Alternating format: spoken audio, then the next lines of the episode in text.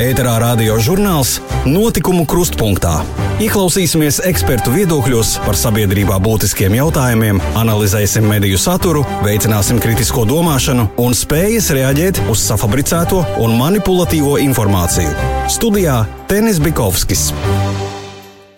Sveicināti cienījamie radioklausītāji! Šīs dienas raidījumā iepazīstināsim ar attīstību mūsu kaimiņu valstīs, ar uzsvaru uz mediju un cilvēktiesību jautājumiem. Analizēsim tendences apspiest vārda brīvību internetā. Vai nepieciešams ieviest divus gadus ilgu obligāto dienestu, vai zemesargiem jābūt tādai pašai fiziskai sagatavotībai kā profesionālā dienesta karavīriem? Kas ir galvenās nepilnības mūsu valsts bruņotajos spēkos un kā tās novērst? Par šiem jautājumiem iztaujāsim militāro ekspertu, rezerves kapteini Mārtiņu Vērdiņu bet kā vienmēr raidījumu sāksim ar jaunāko attīstību pie mums un kaimiņu valstīs. Pie mikrofona mana kolēģe Elīna Greidāne. Startautisko notikumu apskats - aktuālā attīstība mūsu kaimiņu valstīs.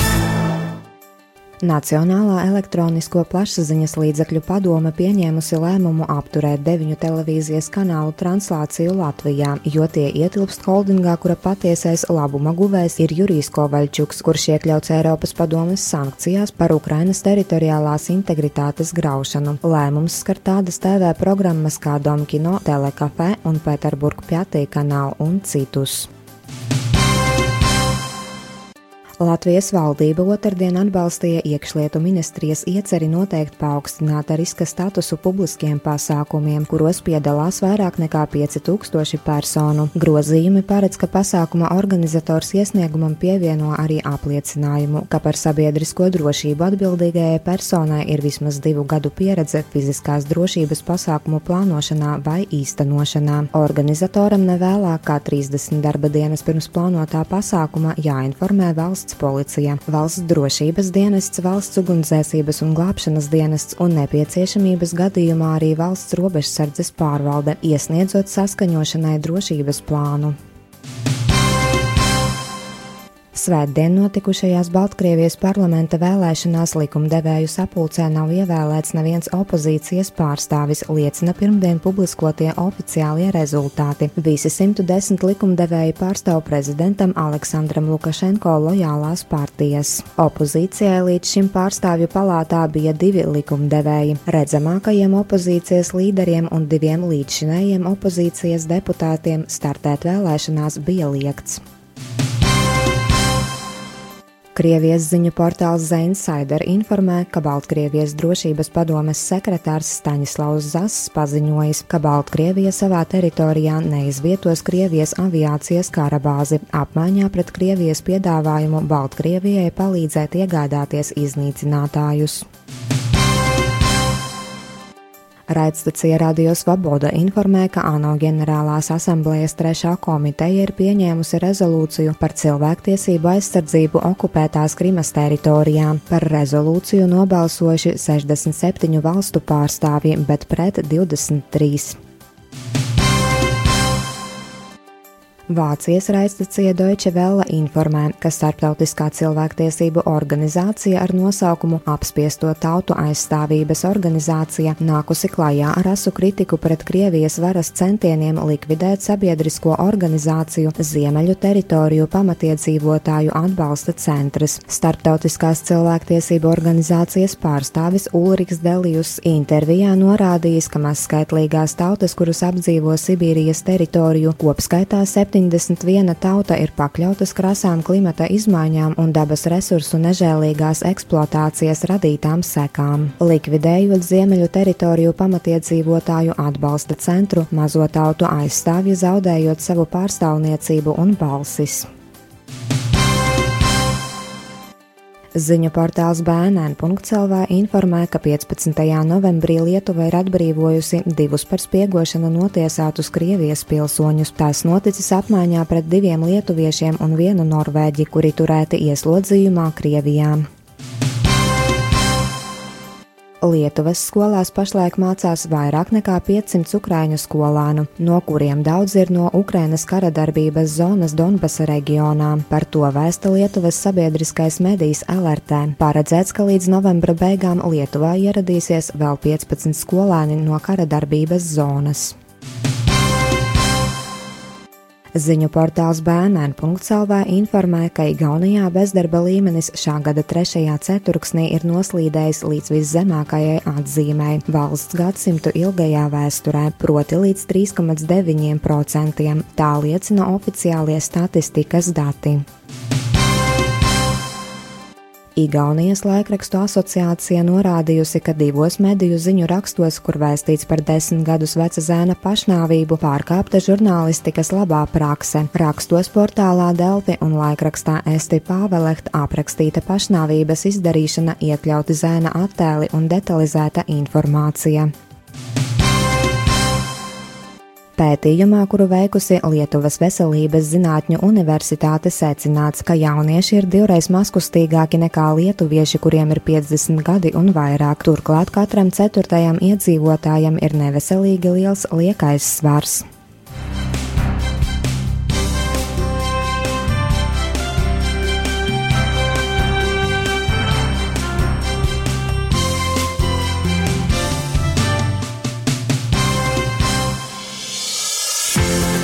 Ēterā radio žurnāls Notikumu krustpunktā. Saima pagājušajā nedēļā pieņēma likumu par valsts budžetu 2020. gadam, kas aizsardzības nozarei paredz piešķirt 2% no iekšzemes koprodukta, jeb 663,67 miljonus eiro, sasniedzot 27,2 miljonu eiro pieaugumu salīdzinājumā ar šo 2019. gadu. Valsts aizsardzības stiprināšanā un bruņoto spēku izveidē ir sasniegts būtisks progress. Nākamgad ir svarīgi nodrošināt maksimāli augstu nacionālo bruņoto spēku kaujas gatavību, galveno uzmanību pievēršot iepirktās tehnikas un ekipējuma ieviešanai un uzturēšanai, kā arī personāla apmācībai, uzsvēris aizsardzības ministrs Artis Pabriks. Mūsu raidījuma ietvaros uz sarunu aicināju militāro ekspertu rezerves kapteini Mārtiņu Vērdiņu. Aktuālā intervija. Ņemot vērā, ka ir zināms spēku deficīts, tiek domāts par to, un nopietni domāts, un domāts gan šeit, Latvijā, kā, bet kā mēs redzam, arī ASV, par to, kā šos iztrūkumus teiksim, tā, nosektu. Un, uh, pētnieki nonāk pie secinājuma, ka uh, diemžēl palielināt vēl vairāk uh, sabiedroto klātbūtni Baltijas valstīs, kardināli palielināt viņu, diez vai izdosies. Tas nozīmē, ka uh, Baltijas valstu bruņotiem spēkiem jāatrod iekšējās rezerves, uz kā rēķina šo, šo te uh, apmācītu, kvalificētu un kvalitatīvi apmācītu karavīru skaitu palielināt. Un viens no šiem ceļiem varētu būt šī regulārās armijas, mūsu regulārās armijas, kas šobrīd sastāv tikai no profesionāla dienesta karavīriem, papildināšana arī vēl klāt ar uh, iesauk, iesauktiem karavīriem. Uh, šeit ir jāatzīmē, ka ne uh, amerikāņi, ne šeit tie uh, eksperti, kas uh, aizstāv obligātā militārā dienesta atjaunošanu, nekādā gadījumā nerunā par uh, vispārīgo karaklausības atjaunošanu. Kaut gan var būt teorētiski, ja tas varbūt arī būtu pat ļoti vēlams. Uh, šobrīd pagaidām iet runa par to, ka būtu labi, ja Latvija varētu katru gadu sagatavot divus, trīs tūkstošus uh, vismaz vienu gadu apmācītus karavīrus, jaunus cilvēkus pēc vienotas sistēmas, kvalitatīvi un ieskaitīt viņus rezervē. Ja mēs paskatāmies uz mūsu kaimiņiem, lietuviešiem un igauniem, tad varu jums ziņot, ka 3000 uh, katru gadu iziet obligāto militāro dienestu šajās valstīs, katrā no šīm valstīm. Tas ir diezgan ievērojams skaits, ja jūs varat teiksim, tā, nolikt rezervē katru gadu 3000 labu kareivju. Salīdzinājumam, trijos gados, tādā gadījumā pie 3000 gadā, ja, trijos gados mēs būtu pārsnieguši pašreizējo zemesardzes skaitu. Ja zemesardzē Latvijas aizsardzības sistēmas mugurkauls, tad zemesargiem jābūt tādai pašai fiziskajai sagatavotībai kā profesionālā dienesta karavīriem. Ja tas tā nav, tas nozīmē, ka zemesargi nevar daudz ko no karavīriem domātajām prasībām izpildīt. Pirmkārt, to, ko mēs Latvijā saucam par uh, zemesardzi, uh, visur citur pasaulē sauc par uh, paramilitāriem spēkiem. Jā, tie ir nepilni laika dienesta karavīri, kuri visā pasaulē neskaitās regulārās armijas sastāvā. Regulārās armijas sastāvā skaitās profesionāla dienas karavīri un uh, obligātā militārā dienas karavīri, kas tajā brīdī atrodas dienestā. Tātad uh, paramilitārie spēki tie ir vienmēr, ir, bija un būs laikam. Tie ir otrā ešalona spēki, tie nav tie kaujas gatavākie, tie nav tie uh, Eh, stiprākie, un diez vai viņi var līdzināties kā, um, kā vienības profesionāla dienas karavīru vienībām. Un, starp citu, to no viņiem neviens arī negaida, un to no viņiem arī neprasa. Viņu darbs ir pavisam cits. Tā ir mazo vienību taktika, tā ir objekta apsardzība, tas ir vēl kaut kas, bet tas katrā gadījumā nav manevru, uh, manevra kaujas darbības veikšana. Un tad, kad mēs beidzot Latvijā to sapratīsim, ja, tad mēs beigsim šo te mē, šos mēģinājumus padarīt zemesargus vai pievilkt viņus kaut kādā veidā līdz profesionāla dienesta karavīra līmenim. Tas nav viens tas pats, ja tu nodarbojies ar kaut kādu nodarbi, ar kaut kādu arodu pildi. Pieņemsim, astoņas, es pat nezinu, pat ne astoņas stundas dienā. Jā. Cik jūsuprāt nepieciešams laiks, lai cilvēku militāri apmācītu un sagatavotu atbilstoši mūsdienu prasībām? līdz kādam līmenim skatoties. Ja, šeit mēs, ja mēs nerunājam par kaut kādām specialitātēm īpašajām, ja, un ja mēs nerunājam par virsniekiem nekādā gadījumā, bet ja mēs runājam tikai par kareiviem, tad pasaulē un Eiropā ir pierādījies, ka minimums varētu būt 8, 9 mēneši, bet, ja vajadzīga kaut kāda specializācija, tie var būt varbūt 11 mēneši vai 12 mēneši. Tas ir, neteiksim, standarts, tā ir tāda realistiska programma, kuras rezultātā pilnīgi civilisti var pataisīt par karavīru, arī pie reizes arī uzdzenot arī viņa fiziskās spējas. Bet uh, šeit ir ļoti arī svarīgi, lai uh, sāktu strādāt tieši ar gados jauniem cilvēkiem. Kas, jūsuprāt, ir galvenās nepilnības, trūkumi mūsu valsts bruņotajos spēkos un uh, kā šīs nepilnības varētu novērst?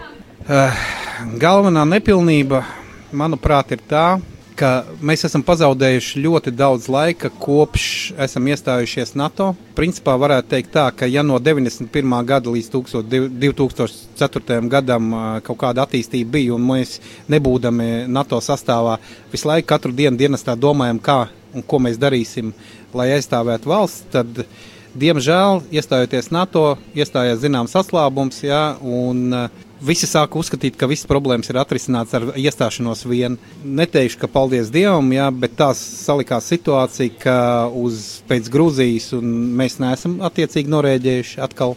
Un tikai pamodušies esam tikai pēc uh, Krimas un Ukrainas notikumiem. Un šobrīd sanāk tā, ka mums īsā laikā ir jāsadzen šo pazaudēto laiku, un to, diemžēl, faktiski nav iespējams izdarīt, ņemot vērā, cik īstenībā maksā kārtīga, kaujaspējīga armija.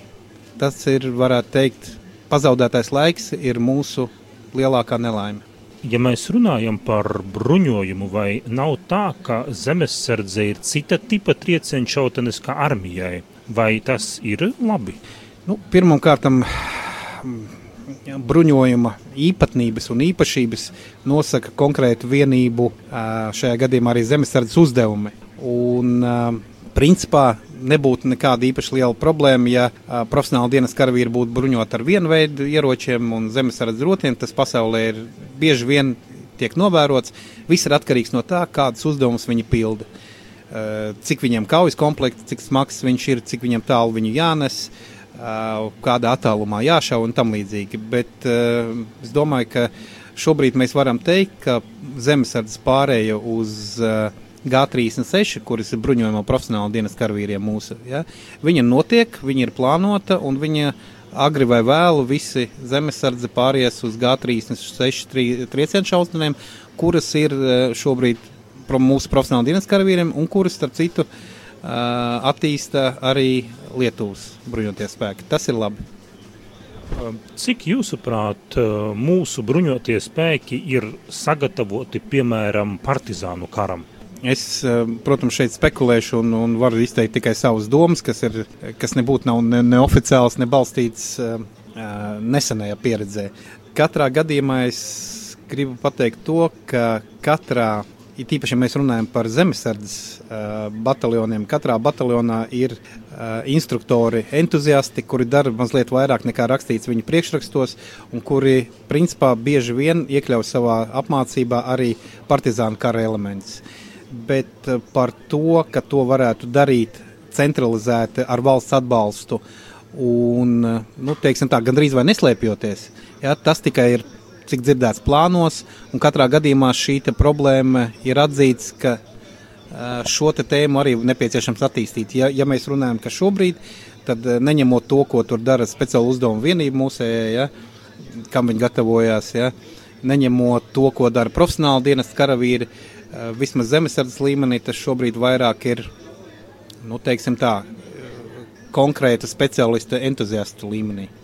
Bet eh, kādai būtu jābūt Latvijas armijai nākotnē? Latvijas armijas, Latvijas armijai nākotnē būtu jābūt, teiksim tā, salīdzināmai. Varbūt kaut kādos jautājumos, ja mēs runājam par tehnisko aprīkojumu, ja mēs runājam par bruņojumu, tad viņai jābūt salīdzināmai ar mūsu iespējamā pretinieka armiju. Tieši tā, ne mazāk. Viņai jābūt salīdzināmai. Bet uh, morāles, morāles ziņā jābūt krietni pārākai. Tā kā mūsu raidījums skan Latvijas uh, reģionā, nesen uh, ir izveidots uh, profesionāls armijas bataljons Lūznavā. Kādas jūsu pārdomas par um, šo tēmu? Viss, kur es redzu, ka uh, palielinās karavīru skaits, un šie karavīri tiek kolektīvi apmācīti, tas ir viennozīmīgi pluss. Bet es saprotu arī, ka acīm redzot, aizsardzības ministrija meklēja reģionus, kur ir kaut kāda iemesla dēļ vieglāk veikt rekrutēšanu. Personīgi man īpaši nav skaidrības, kāpēc šis bataljons vai šobrīd rota, kāpēc viņi ir iekļauti tieši zemesardzes brigādes sastāvā. Bet tas ir cits jautājums. Katrā gadījumā viss, kas palielina mūsu uh, armijas kaujaspējīgo daļu, ja, šajā gadījumā latgaļu vīri un, un, un meitas acīm redzam, viņi palielina kaujaspējīgo daļu mūsu bruņotajos spēkos. Tas ir pozitīvi.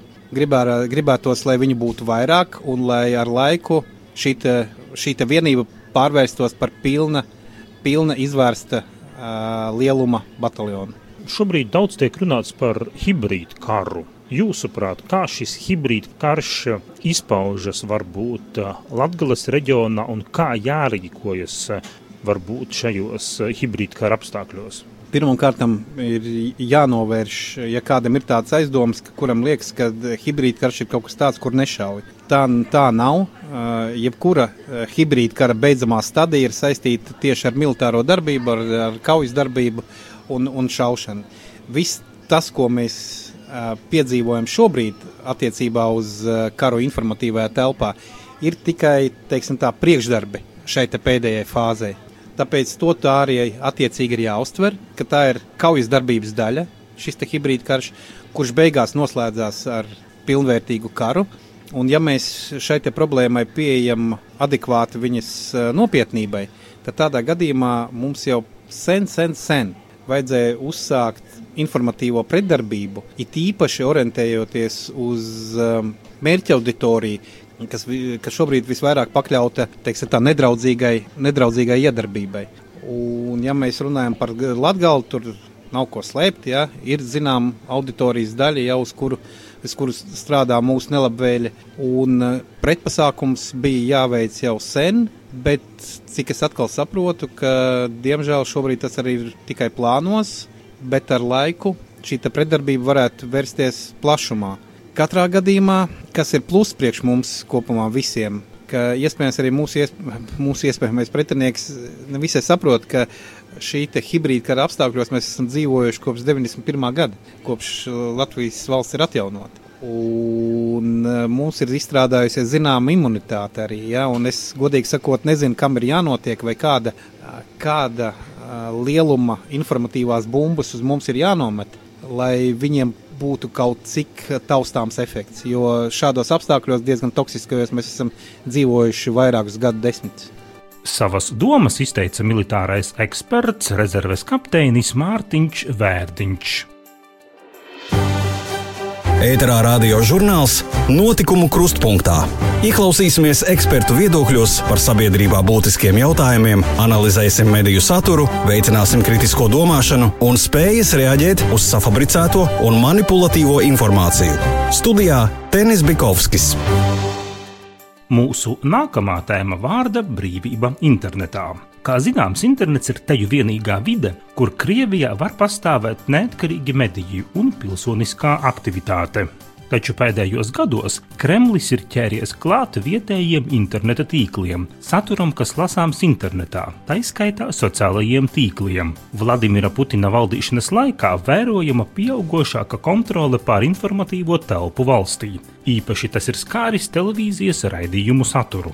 Krievija dažādos starptautiskos labklājības, korupcijas un vārda brīvības reitingos atrodas vienā grupā ar Āfrikas un postpadomju Vidusāzijas valstīm.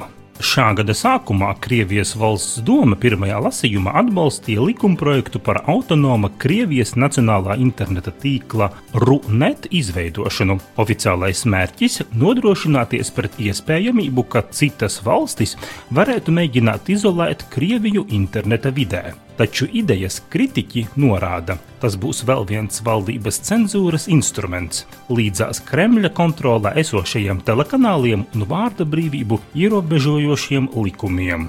Laikraksts The Guardian norāda, ka likumprojekts ar nosaukumu Digitālās ekonomikas nacionālā programma paredz, ka vietējiem tīkliem jānodrošina visa datu apmaiņa Krievijas robežās. Savukārt no Krievijas izajošā datu plūsma tiks virzīta caur virtuāliem robežpunktiem, ko kontrolēs Krievijas masu komunikāciju uzraudzības dienests Roskomnadzor.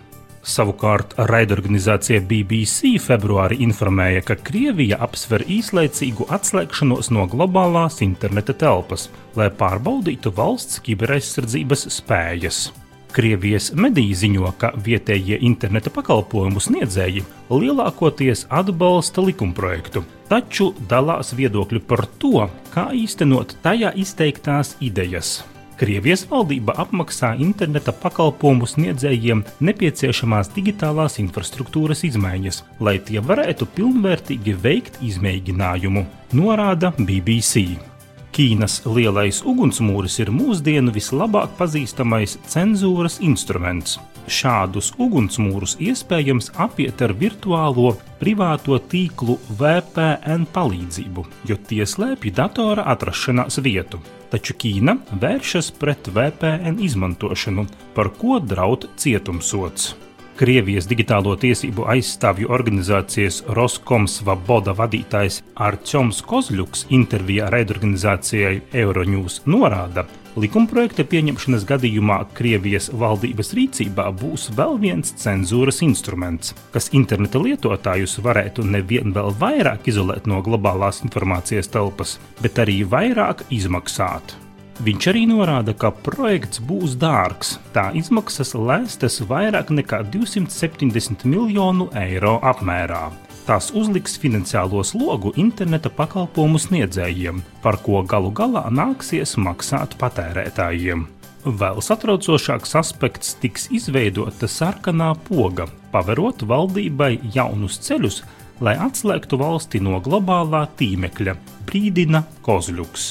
Cilvēktiesību aizstāvju organizācija Agora norādīja, ka pēdējo 12 mēnešu laikā Krievijā brīvība internetā samazinājusies pieckārtīgi. Krievijas ekonomisko un finanšu ziņu portāls finans.ru atsaucoties uz Telekom Daily informē, ka pēdējā pusgada laikā trešdaļa interneta lietotāju Krievijā ir saskārusies ar būtiskiem interneta darbības traucējumiem. Visvairāk no interneta traucējumiem ciešot interneta veikali. Pēc ekspertu aplēsēm interneta veikala mājas lapas nesagaidot to atvēršanos, pametot 36% apmeklētāju, bet 16% apmeklētāju vairs neatgriežas pie konkrētā interneta veikala mājas lapas apmeklēšanas. Ēterā radio žurnāls Notikumu krustpunktā. Raidstacija Radio Svoboda vēsta, ka Krievijas valsts doma līdz šī gada beigām apņēmusies pieņemt likumu par medijiem ārvalstu aģentiem. Par to un citiem ierobežojumiem izsmeļošāk turpina mana kolēģe Elīna Greidāne.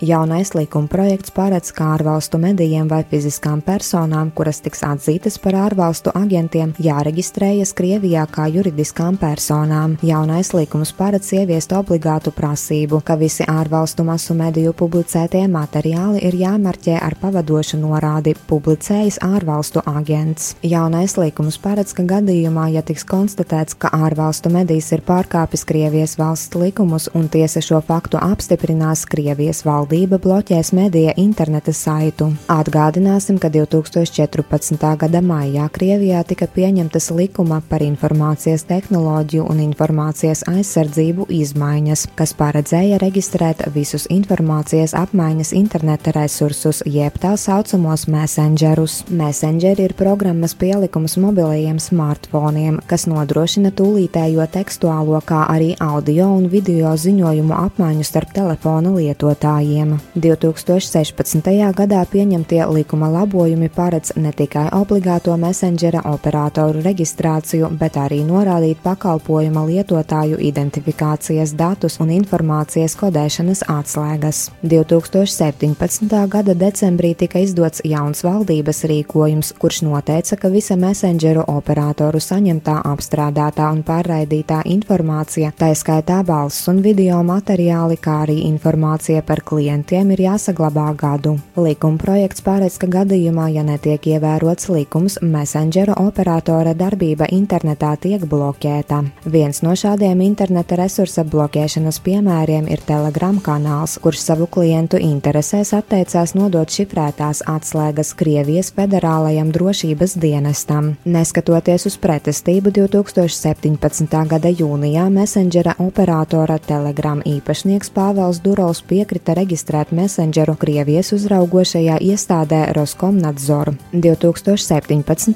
gadā sakarā ar likuma neievērošanu tika bloķēti seši messengeru saiti. Radio klausītājiem atgādināsim, ka jau 2015. gadā Starptautiskā cilvēktiesību organizācija Freedom House publicēja ziņojumu par vārda brīvību internetā, un Krievija tika ierindota to valstu kategorijā, kurās ir daļēji brīvs internets. Pēc ekspertu viedokļa galvenās tēmas, kuras Krievijā tiek pakļautas cenzūrai, ir valsts varas jeb pastāvošā režīma kritika, militārie konflikti, korupcija, opozīcija, protestu mobilizācija un sociālie jautājumi, kuri Krievijā ar katru mēnesi kļūst arvien aktuālāki.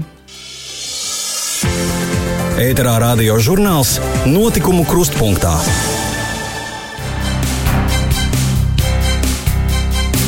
Latvijas preses apskats. Ko lasām, par ko diskutējam?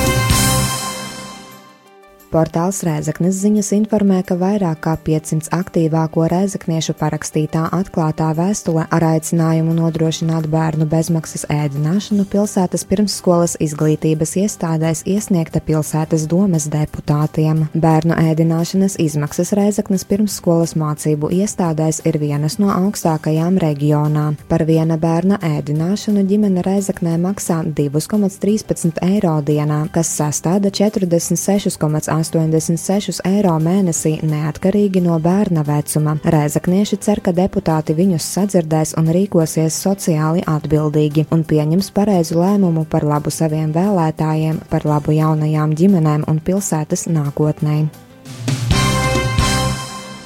Jēkabils laiks informē, ka novada pašvaldība katrā pagastā organizē sanāksmes, kurās ar iedzīvotājiem tiek pārunāta administratīvi teritoriālā reforma. Jēkabils novada domas priekšsēdētājs Aivars Vanaks informē, ka līdz šim notikušajās sanāksmēs iedzīvotāji pauduši atbalstu pašvaldības apvienošanai ar citiem novadiem ap Jēkabili, bet bez pilsētas, jo tā esot savas intereses. Savukārt Sēlies novadu apvienības apspriestā ideja par Sēlies novada izveidi, iekļaujot tajā arī Neretes un Ilūkstes novadus, nesot guvusi lielu atsaucību Jēkabils novada iedzīvotāju vidū.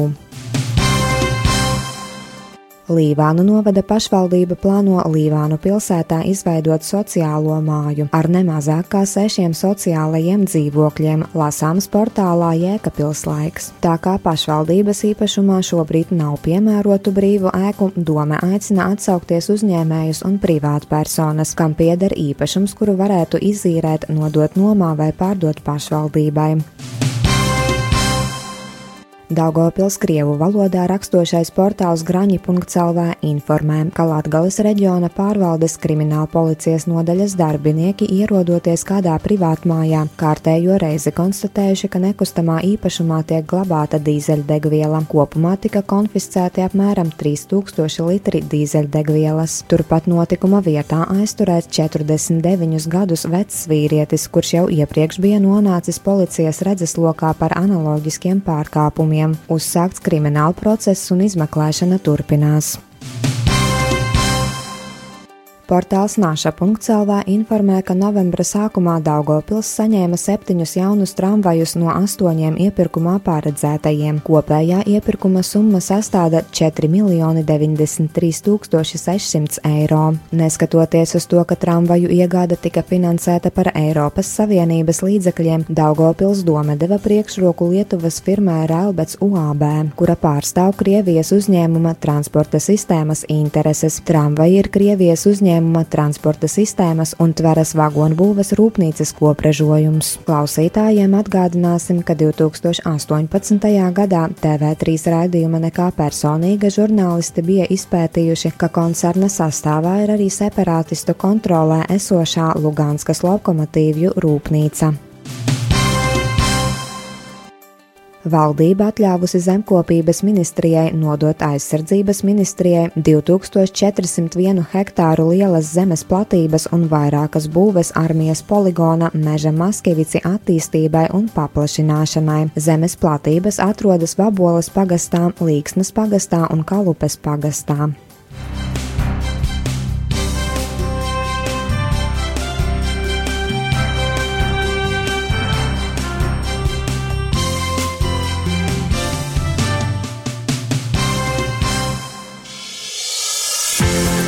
Ēterā radio žurnāls Notikumu krustpunktā.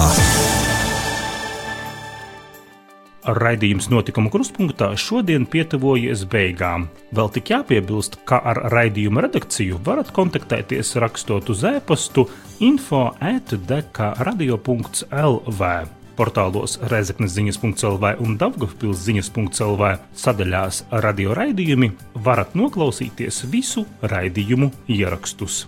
Visu labu jums, klausītāji, abos Daugavas krastos vēlu es Tenis Bikovskis uz sadzirdēšanos jau nākošnedēļ. Radio žurnāls notikumu krustpunktā ir sagatavots ar valsts reģionālās attīstības aģentūras finansiālu atbalstu no Latvijas valsts budžeta līdzekļiem.